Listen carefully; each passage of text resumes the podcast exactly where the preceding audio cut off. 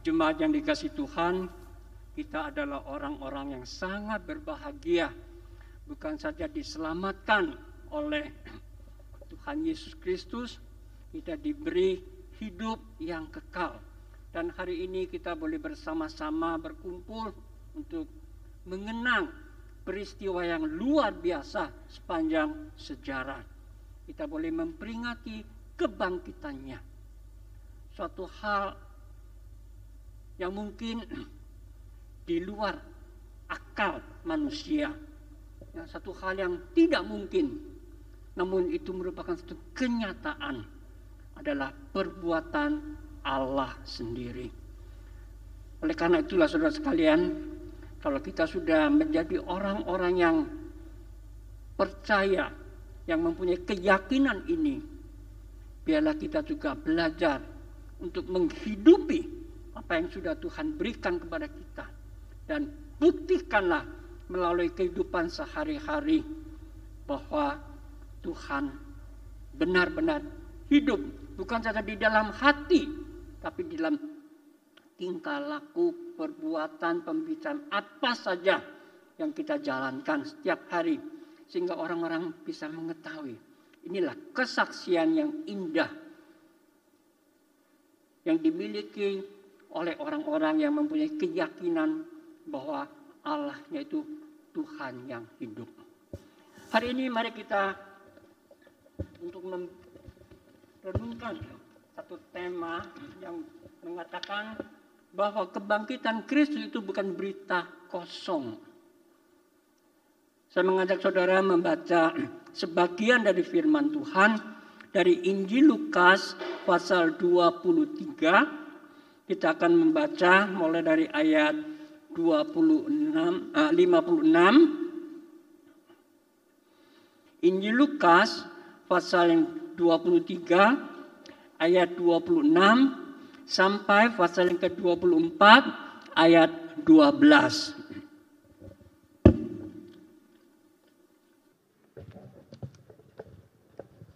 Saya akan bacakan bagi saudara-saudara sekalian Injil Lukas pasal 23 ayat 56 sampai pasal 24 ayat 12. Dan setelah pulang, mereka menyediakan rempah-rempah dan minyak mur. Dan pada hari Sabat, mereka beristirahat menurut hukum Taurat. Tetapi pagi-pagi benar pada hari pertama minggu itu, mereka pergi ke kubur membawa rempah-rempah yang telah disediakan mereka. Mereka mendapati batu sudah terguling dari kubur itu. Dan setelah masuk, mereka tidak menemukan mayat Tuhan Yesus. Sementara mereka berdiri termangu-mangu karena hal itu. Tiba-tiba ada dua orang berdiri dengan dekat mereka memakai pakaian yang berkilau-kilauan. Mereka sangat ketakutan dan menundukkan kepala. Tetapi kedua orang itu berkata kepada mereka, "Mengapa kamu mencari Dia yang hidup di antara orang mati? Ia tidak ada di sini. Ia telah bangkit. Ingatlah apa yang dikatakannya kepada kamu ketika ia masih di Galilea." yaitu bahwa anak manusia harus diserahkan ke tangan orang-orang berdosa dan disalibkan dan akan bangkit pada hari yang ketiga. Maka teringatlah mereka akan perkataan Yesus itu. Dan setelah mereka kembali dari kubur, mereka menceritakan semuanya itu kepada kesebelas murid dan kepada semua saudara yang lain. Perempuan-perempuan itu ialah Maria dari Magdala dan Yohana dan Maria ibu Yakobus dan perempuan-perempuan lain juga yang bersama-sama dengan mereka memberitahukannya kepada rasul-rasul. Tetapi bagi mereka perkataan-perkataan itu seakan-akan omong kosong dan mereka tidak percaya kepada perempuan-perempuan itu. Sungguh pun demikian, Petrus bangun lalu cepat-cepat pergi ke kubur itu. Ketika ia menjenguk ke dalam, ia melihat hanya kain kapan saja. Lalu ia pergi dan ia bertanya dalam hatinya, apa yang kiranya telah terjadi. Hari ini dengan berkembangnya teknologi yang begitu canggih ya, untuk menyampaikan berita cepat sekali. Apa yang terjadi di sini dalam hitungan detik saja sudah bisa disebar luaskan ke seluruh dunia. Bukankah demikian? Apalagi boleh dikatakan setiap kita memiliki handphone, betulkah? Ya, melalui WhatsApp, WeChat, Line dan banyak ya, apa itu Ah, program-program yang di tangan kita. Sekejap kita bisa mengetahui apa yang terjadi di seluruh dunia. Saking banyaknya informasi yang masuk, kadang-kadang juga membingungkan kita. Nah sekarang yang perlu kita pertimbangkan yaitu kebenaran dari suatu berita itu. Ya, banyak orang menggunakan medsos itu kemudian saling menyerang ya atau menyampaikan berita-berita yang tidak benar. Ya. Banyak oposisi-oposisi politik itu juga begitu. Belum lagi ditambah permainan TikTok sekarang ini. Betulkah? Apalagi itu anak muda ya dengan kreasi-kreasi mereka, imajinasi mereka. Nah, mereka menyampaikan banyak informasi. Nah, kita perlu juga mempertimbangkan. Ya, tidak semua yang kita dapatkan di dalam medsos itu langsung mentah-mentah diterima.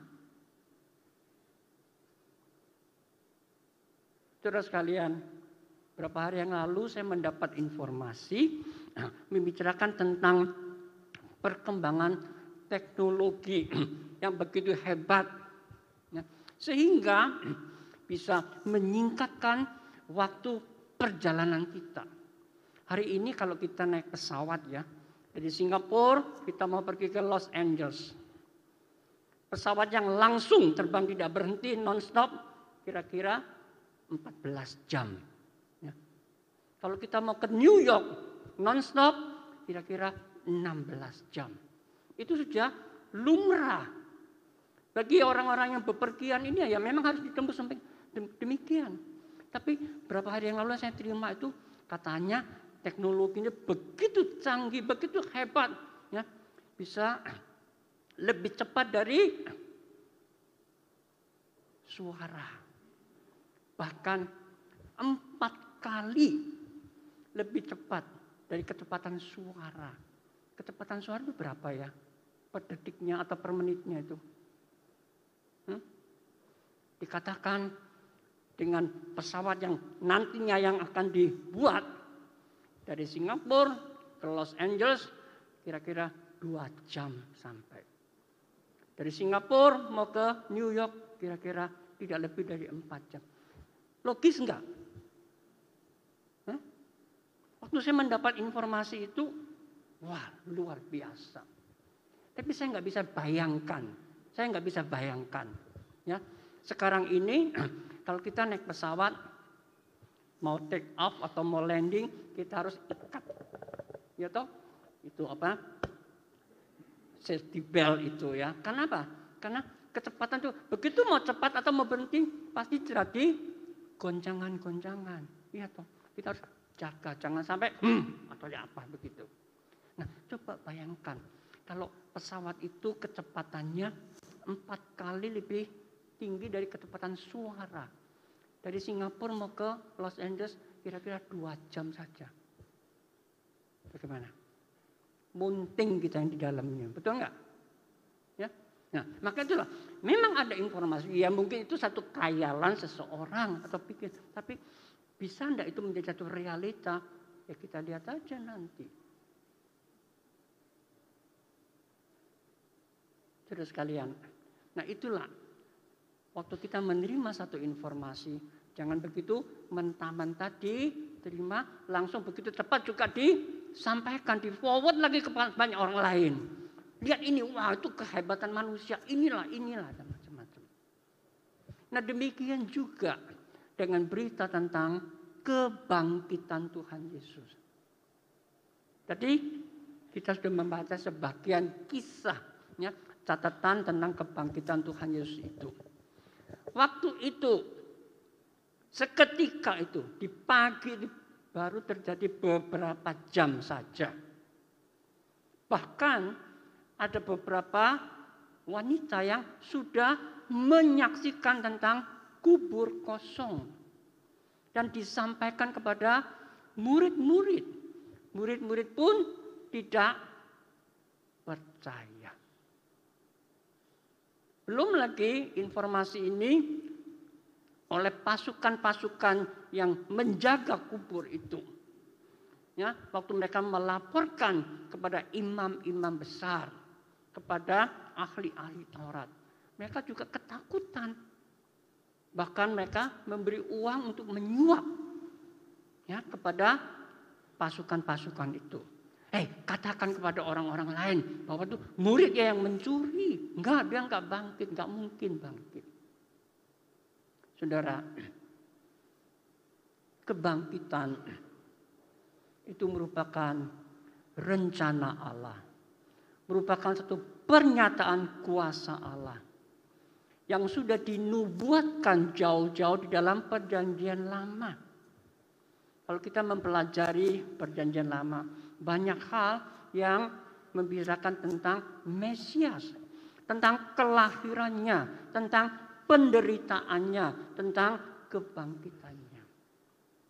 Sampai pada realitanya Tuhan Yesus lahir dan Tuhan Yesus datang ke dalam dunia. Secara formal Tuhan Yesus pun pernah tiga kali untuk menyampaikan, memberitahu kepada murid-muridnya secara formal tiga kali. Aku akan diserahkan, aku akan disalibkan atau dibinasakan, dibunuh. Tapi pada hari ketiga aku akan bangkit. Dan sampai pada hari kebangkitan itu, Tuhan Yesus masih tinggal 40 hari lamanya bersama-sama dengan murid-murid sebelum dia kembali ke surga. Ya, di dalam Alkitab paling sedikit ada 10 kali catatan tentang kebangkitan Kristus. Secara pribadi dinyatakan kepada wanita-wanita, kepada murid-murid dan kepada paling banyak 500 orang yang pernah menyaksikan kebangkitan Kristus. Bahkan tatkala Tuhan Yesus kembali ke surga, Terus sekalian, Yesus bangkit. Dia juga menyatakan diri kepada adiknya, Yakobus. Di dalam kitab Injil tidak dicatat, tapi di dalam surat Paulus mencatat itu. Yesus pernah menyatakan diri kepada Yakobus. Nah kita tahu selama Tuhan Yesus hidup dan pelayanan, Adiknya sendiri pun tidak bisa percaya, tidak mengakui identitas Yesus sebagai Mesias. Oleh karena itulah tatkala dia bangkit, dia menyatakan diri kepada adiknya Yakub, ya mungkin yang lain-lain juga, sehingga mereka bisa menerima. Bahkan Tuhan pakai Yakobus dan Yudas ya menjadi salah satu penulis kitab yang ada di dalam Alkitab kita. Bahkan Yakobus kemudian juga menjadi tua-tua di kota Yerusalem, di gereja di Yerusalem, menjadi pemimpin jemaat. Nah, saudara sekalian, fakta-fakta ini yang dicatat di dalam Alkitab sampai hari ini masih banyak di gunjingkan orang-orang yang tidak percaya. Ya. Sampai hari ini orang-orang yang tidak mengenal Tuhan, yang tidak menerima keberadaan Tuhan, mereka menyangkal Tapi kalau suruh mereka membuktikan Yesus tidak bangkit, mereka juga nggak bisa. Bagi kita yang percaya, jauh lebih mudah untuk membuktikan kebangkitan Kristus.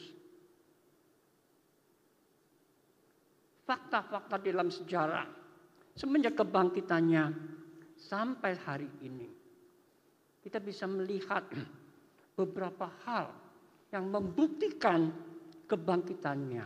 Saudara sekalian. Di hari Pentakosta. Turunnya roh kudus. Para murid yang tadinya begitu ketakutan tentang kematian Kristus. Sehingga mereka menutup pintu rapat-rapat takut akan pasukan Romawi. Tapi setelah mereka mengalami kebangkitan Tuhan, mereka menerima urapan dari Roh Kudus. Terjadilah satu perubahan yang luar biasa. Sehingga para murid berani memberitakan tentang kebangkitannya. Tema utama atau firman yang disampaikan pada hari Pentakosta oleh Petrus dan rekan-rekan. Yaitu tentang Kristus yang mati dan sudah bangkit. Sehingga mulai saat itu berdirinya gereja mula-mula. Itu merupakan satu bukti bahwa Allah yang mereka sembah, Yesus yang mereka ikuti adalah Yesus yang mati dan bangkit. Berbeda dengan tokoh-tokoh agama sekarang. Ya, Memang mereka diakui sebagai guru-guru besar. Mereka menyampaikan ajaran-ajaran mereka. Tapi setelah mereka meninggal dunia, tidak ada satupun yang bangkit. Bahkan sampai sekarang tempat-tempat pemakamannya itu menjadi tempat-tempat yang sakral bagi mereka. Ya, yang sering kali dikunjungi, ya, disembah, ya, dan lain sebagainya yang membuktikan bahwa pemimpin-pemimpin mereka tidak bangkit. Beda dengan kita.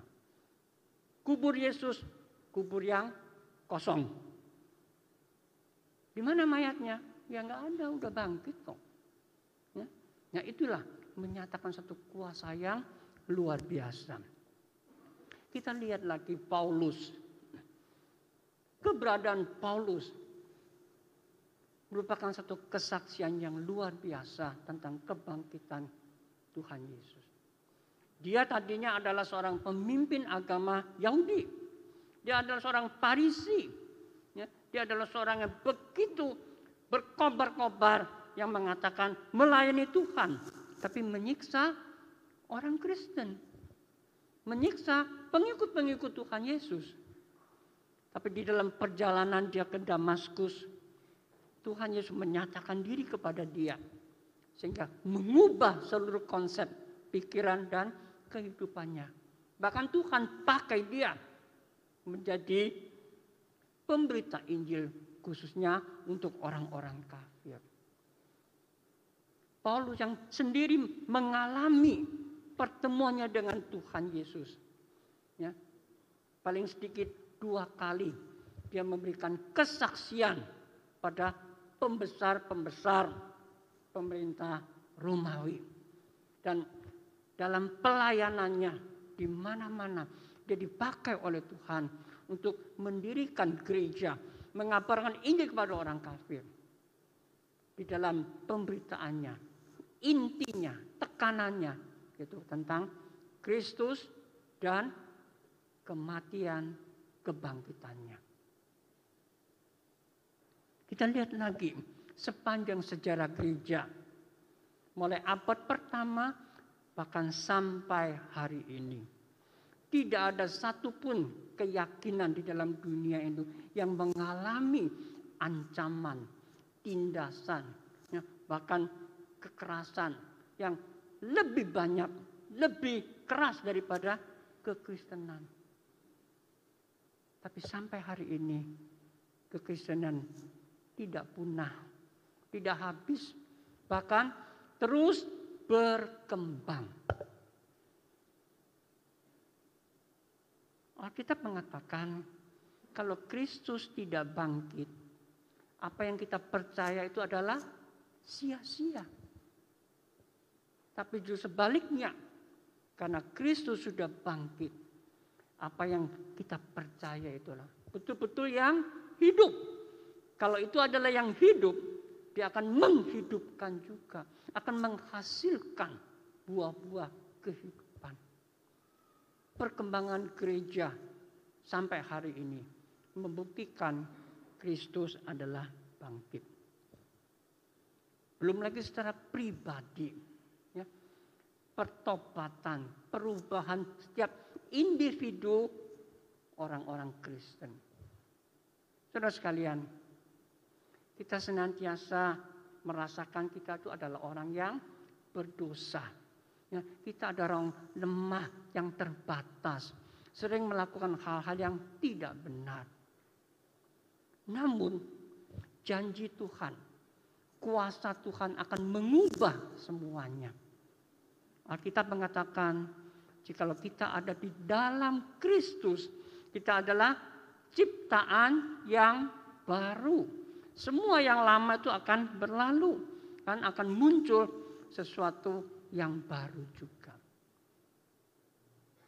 Nah, saya yakin di antara kita kalau semua betul-betul percaya pada Tuhan pasti mengalami satu perubahan yang jelas. Entah itu sifat, tabiat, tingkah laku, pemikiran, motivasi, dan lain sebagainya. Di dalam kuasa kebangkitan Kristus akan meluruskan jalan hidup kita. Saya sendiri pun mengalami itu. Saya memang dibesarkan di dalam keluarga Kristen. Sejak kecil sudah dibawa ke sekolah minggu. Sampai remaja, pemuda, ya, semua kegiatan di gereja. Tapi tidak menjadikan saya orang yang baik.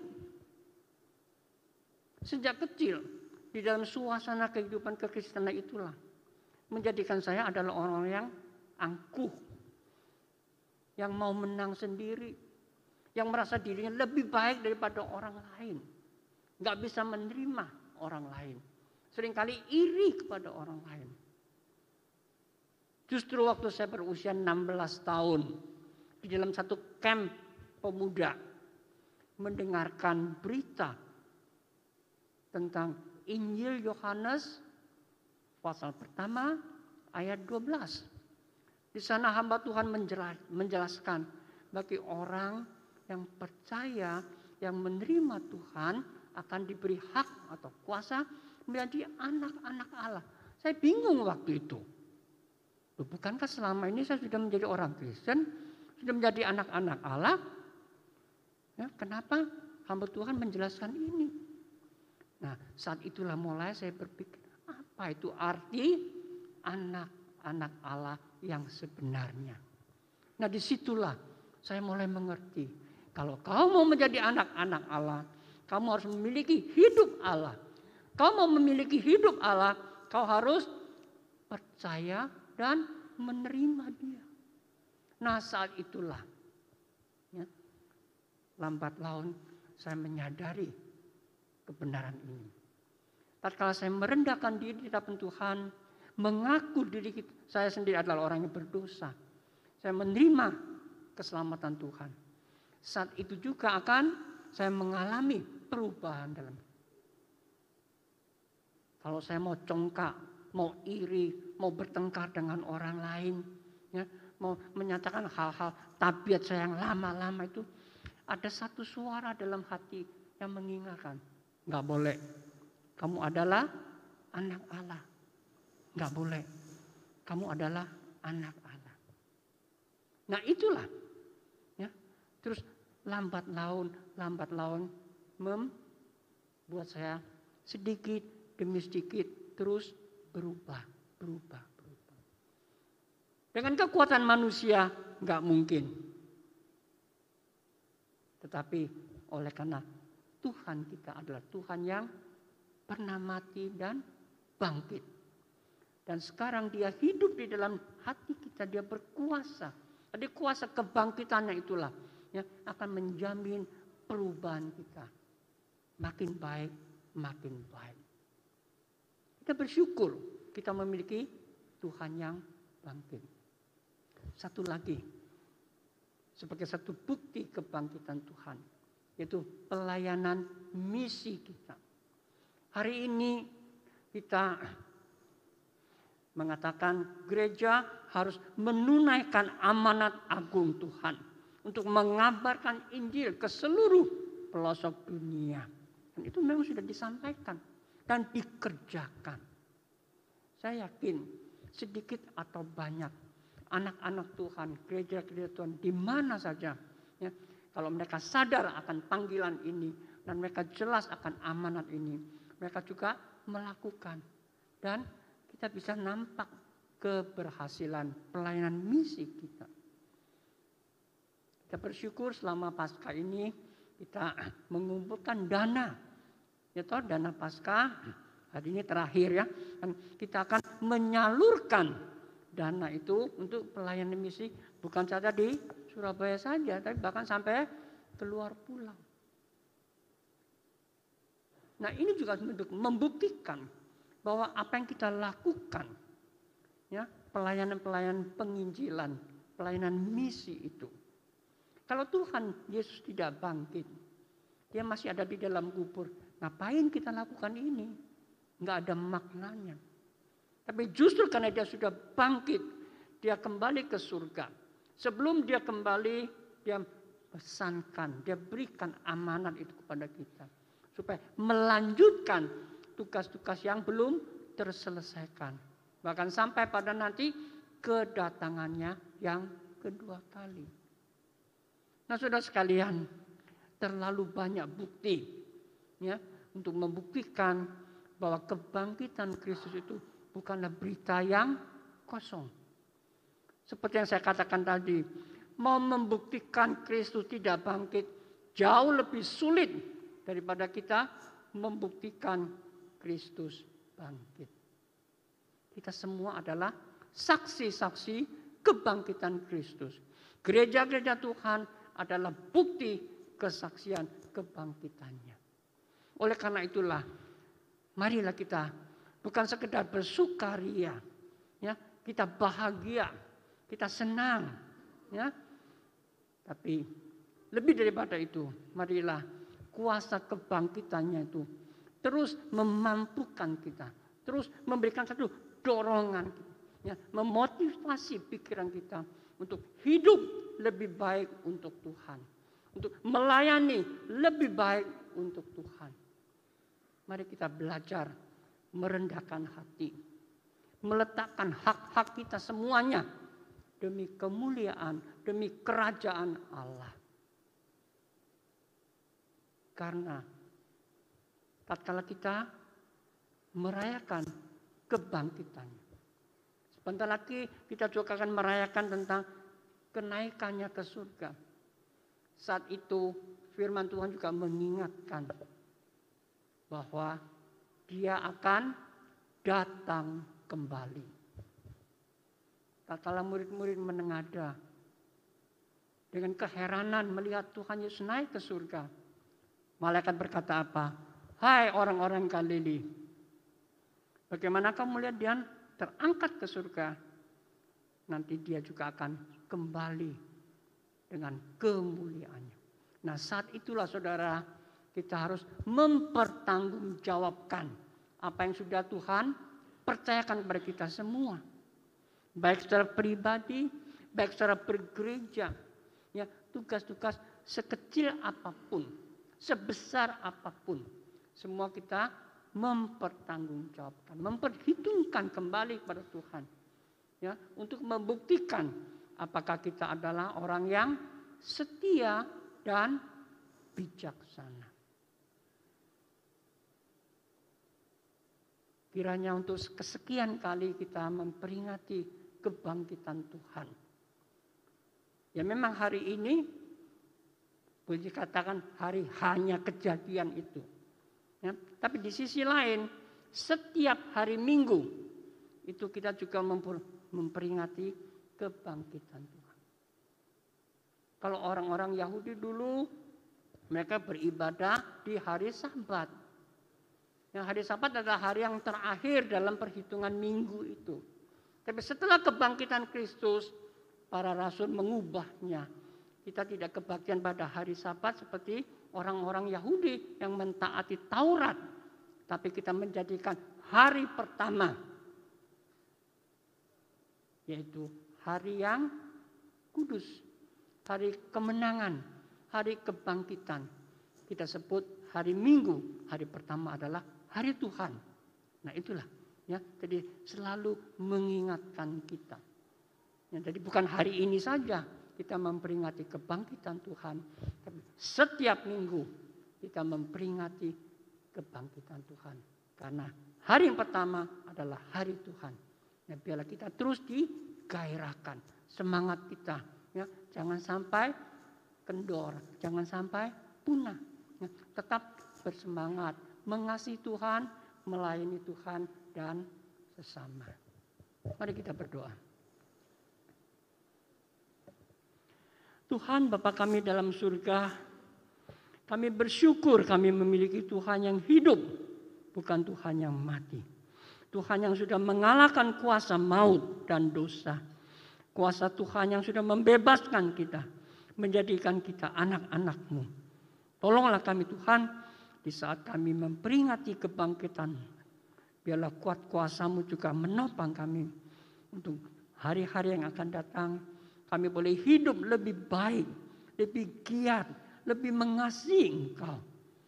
Tolonglah kami Tuhan. Kami menyadari kami adalah orang-orang yang lemah.